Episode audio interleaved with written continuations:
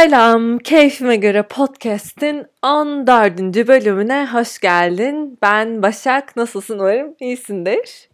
Benim bir inancım gelişti, hemen söylüyorum. Bence bu podcast'te nazar değdi. Ben, ben gerçekten buna inanıyorum. Çünkü Pygmalion'dan sonra benim kafa bir durdu.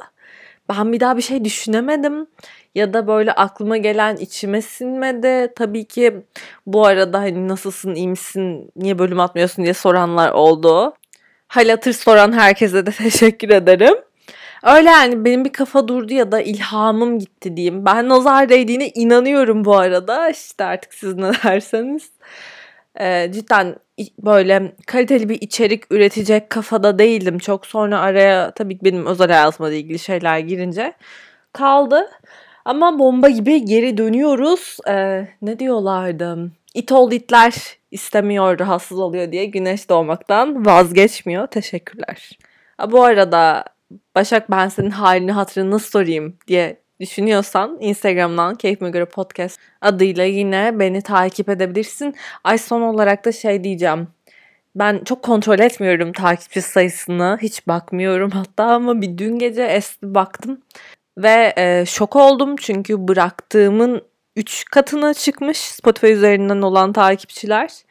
Buradan e, sayın dinleyenlerimin hepsine ayrı ayrı teşekkür ediyorum. Artık teşekkür etmek istemiyorum ve konuya geçmek istiyorum. E, bugünkü konumuz Ara Güler ve Afrodisyas.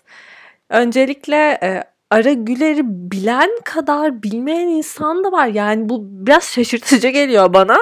Ara, yani tabii ki bilmemek ayıp değil, öğrenmemek ayıptır. O yüzden biraz Ara Güler'den bahsedip sonra Afrodisyas'tan e, ve keşfinden bahsedeceğim. Aradaki bağlantıyı tabii ki kurarak. E, Ara Güler kendini e, foto muhabir olarak adlandıran bir... E, gazeteci mi desem, sanatçı mı desem bilmiyorum. Kendi insan fotoğrafçısı da diyor ayrıca. Kendi döneminin çok ünlü e, isimlerinin fotoğrafını çekmiş ama bu ünlü de, dediğim insanlar e, Pablo Picasso, Sofia Loren, Indira Gandhi gibi gerçekten dönemin magazinsel anlamda da olmayan popüler e, insanları. A, bu arada yanlış hatırlamıyorsam Hitchcock'u da çekmişti. Her neyse konu o değil zaten. Ee, Aragüler'in bu yeteneği keşfediliyor. Aragüler tam bir Leica hastası. Bir Leica bir fotoğraf e, makinesi markası. Ve e, Leica tarafından işte bir süre sonra yıllarını falan tabii ki bilmem de Master of Leica seçiliyor ki bu fotoğraf camiasında çok nasıl derler çok önemli bir e, sıfatlandırmadır ya da ünvan, ünvan evet bunun kelimesi ünvan çok önemli bir ünvandır. Aragüler'in yaptıkları yani say say bitmez. O yüzden bilmiyorsan eğer e, bu Afrodisyas olayı dışında da araştırmanı kesinlikle tavsiye ediyorum. Peki nedir bu Afrodisyas'la Aragüler'in arasındaki bağlantı? Yıl 1958. Adnan Menderes Demokrat Parti başta, ve Aragüler'in dediğine göre o zamanki e, kağıt alımı tabii ki döviz üzerinden ve Macaristan'dan olduğu için onlara bayağı tuzlu geliyor. Bu sırada da Aragüler e, Hayat Dergisi'nde çalışıyor. Dergi için ucuz sağlam kağıt bulmaları lazım. Ne yapıyorlar? İşte e, Menderes'e onun deyimiyle yine yağ çekiyorlar. Bir yerin açılışı oldu mu, bir yol yapıldı mı, önemli bir şey yapıldığında yani e, Adnan Menderes geliyorsa özellikle açılışı Ara Güler gidiyor onun fotoğrafını çekiyor. Ve böylece arayı da sıcak tutuyor. Hani herkesin gönlünü de hoş ediyor diyebiliriz.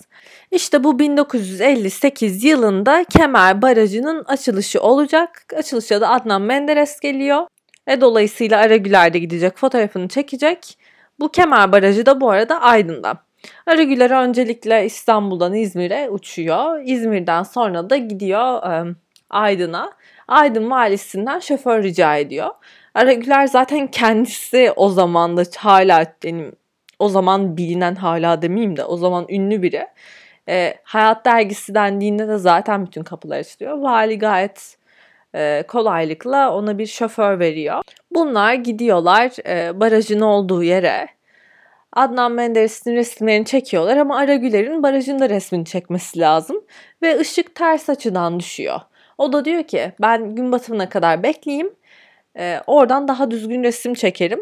Ama e, çektiği yerde de şöyle bir sorun var. Baraj sadece duvar şeklinde gözüküyor. Daha yüksek bir tepeye çıkması lazım. Bir dağ çıkıyor o da. Dağdan gün batımından sonra bütün resimleri çekiyor. Bütün renkli filmlerini orada bitiriyor Aragüler.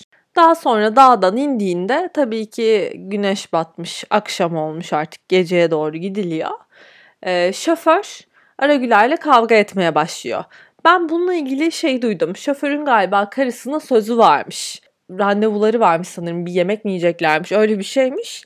Adam bu kadar uzun süreceğini tahmin de edememiş gün batımının bekleneceğinde. Aragüler'le bunlar takışmaya başlıyorlar birbirlerine. Neyse sonra şoför diyor ki ben kestirme biliyorum bari kestirmeden gidelim. Aragüler de tamam diyor. Bunlar gidiyorlar kestirmeden arabayla. Sonra kayboluyorlar. Gecenin körü hiçbir yerde ışık yok yani 1958'den bahsediyoruz. Şoför yine Aragüler'e, Aragüler yine buna. Bunlar birbirlerine söylenmeye başlıyorlar bir kavga hali. Aragüler de diyor ki tamam bir köy bulalım Gecemizi köyde geçirelim. Zaten bir şey yapabilecek halde değiliz. Kaybolduk. Sabah oldu mu artık atlayıp gideriz yani. Bugün bitti. Yapacak bir şey yok. E tabii ki şoförün de daha iyi bir seçeneği olmadığı için tamam diyor. Ve tesadüfen bir köy buluyorlar. Bu köyün kahvehanesine giriyorlar. Tabii köy, köyde elektrik olmadığı için tek aydınlandıkları şey gaz lambaları. Yavaş yavaş Aragüler'in gö- gözleri alışıyor. Yani böyle anlatıyordu. yavaş yavaş diyor gözüm alıştı. Sonra fark ediyor ki bu kahvehanenin içinde adam akıllı masa yok. Ya da adam akıllı kiriş yok. Köylülerin kahvehanede sütun başlıkları üzerinde domino, berik ya da böyle pişpirik oynadıklarını söylüyor. Kahvenin ortasında normal bir e, kiriş kolonun olması gereken yerde böyle antik bir sütun var. O zamanlardan belli ol, e, yapıldığı belli oldu. Aragüler tabii ki şok geçiriyor bu insanlar bu e, yıkıntıdan kalan artık ne yıkıntısı olduğuna da dair bir fikri yok. Bunları almışlar günlük hayatlarının bir parçası haline getirmişler. Bu da onun bayağı ilgisini çekiyor. Uyuyorlar. Ertesi gün oluyor. Aragüler sabah erkenden kalkıp köyü keşfe başlıyor. Ve gördüğü şey e, onu daha da şok ediyor. Dediğine göre mesela sokakta lahitler var Adamlar, yani köylüler daha doğrusu bir lahti delmişler. Birinde şıra yapıyorlar. Bir tanesini delmişler. Pekmez yapıyorlar.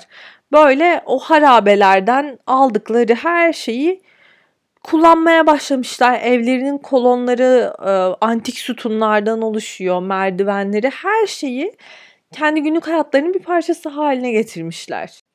Bunu gören Aragüler tabii ki gördüğü her şeyde bir kez daha şok olmuş. Çünkü Diyor ki yani bildiğiniz bir hara, harabe harabedir yani. Efes'e gittiğinde birinin orada yaşamasını beklemezsin ya da kimse oradan aldığı kolonu evine koymaz ya da sütun üzerinde domino oynamazsın mesela.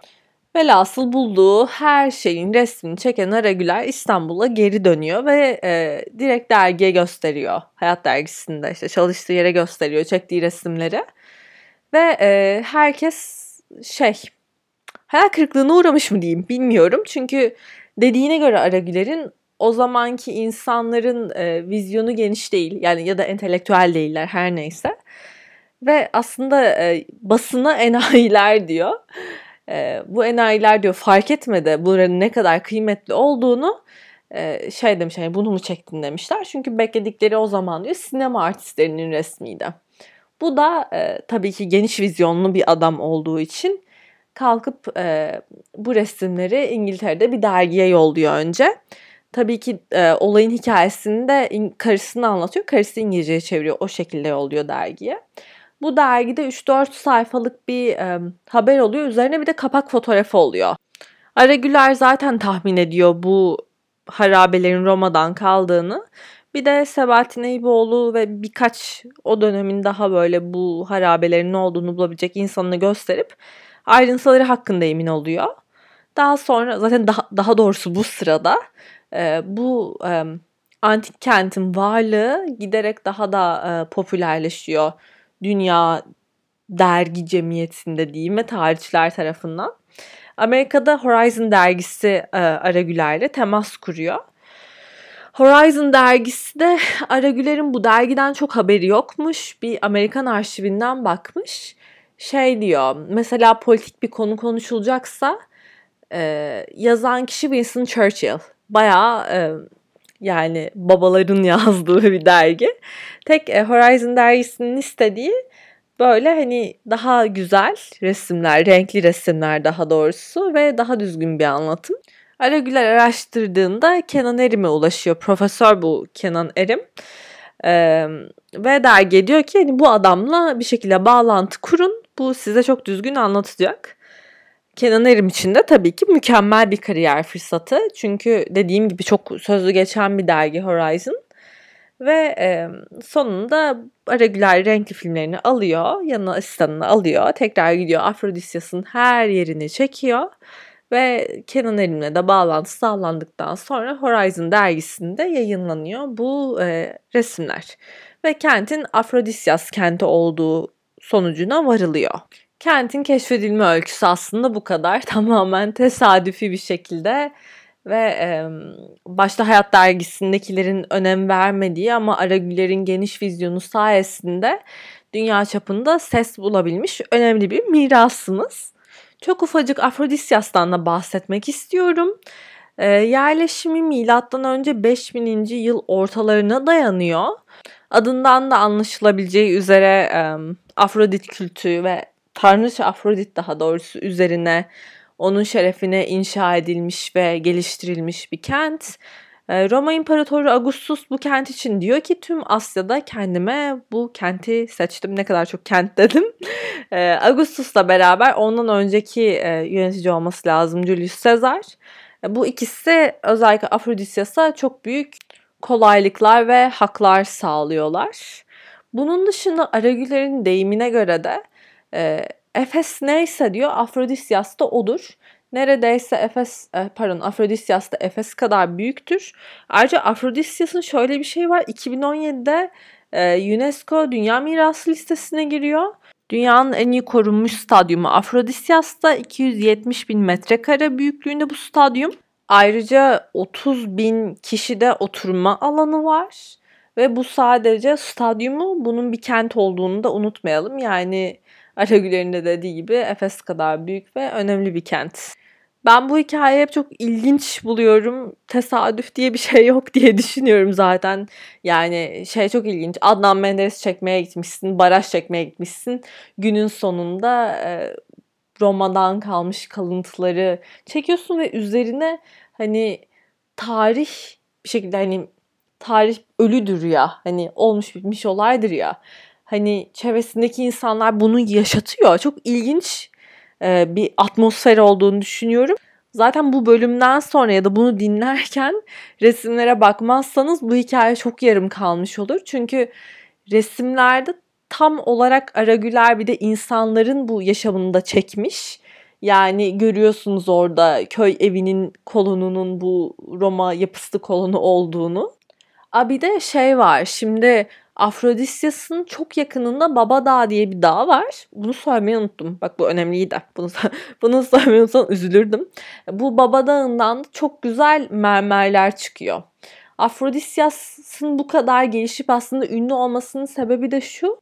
Buranın halkı dağdan zaten çok yakında olan bu dağdan güzel kaliteli mermeri hemen elde edebiliyorlar ve e, heykelcilik konusunda gelişiyorlar. Heykel tıraş oluyorlar. Ve bunun okulunu bile açıyorlar. Bütün Roma'ya heykeltıraşlar buradan gidiyor. Ve e, kendinin içerisindeki heykelleri tahmin edebilirsiniz diye düşünüyorum. Dönemin en ünlü isimleri Afrodisyas'taki okuldan mezun olduktan sonra artık gidecekleri yer, yere ya da yapacaklarını yapıyorlar.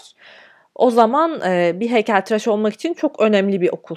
İşte Ara Güler'in e, Afrodisyas'ı keşfetme öyküsü ve dünya basınına duyurması bu şekilde gelişiyor.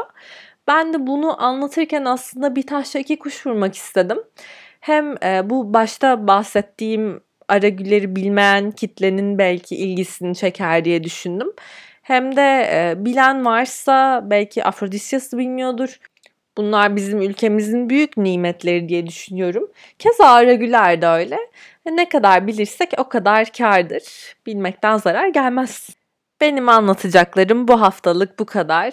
Anlatması benim için büyük keyifti Aragüler'i ve Afrodisyas'ı. Buradan saygıyla anıyoruz kendisini de. Ben tabii konuşmayalı bir süre olmuş. Biraz gerilere doğru dönmüşüm. Onu da fark edince biraz canım sıkıldı ama umarım arayı da toparlayacağım. Vaktini ayırıp dinlediğin için çok teşekkür ederim. E, keyfime göre podcast'in 14. bölümü bitti. Kendine çok iyi bak. Öpüyorum. Kocaman.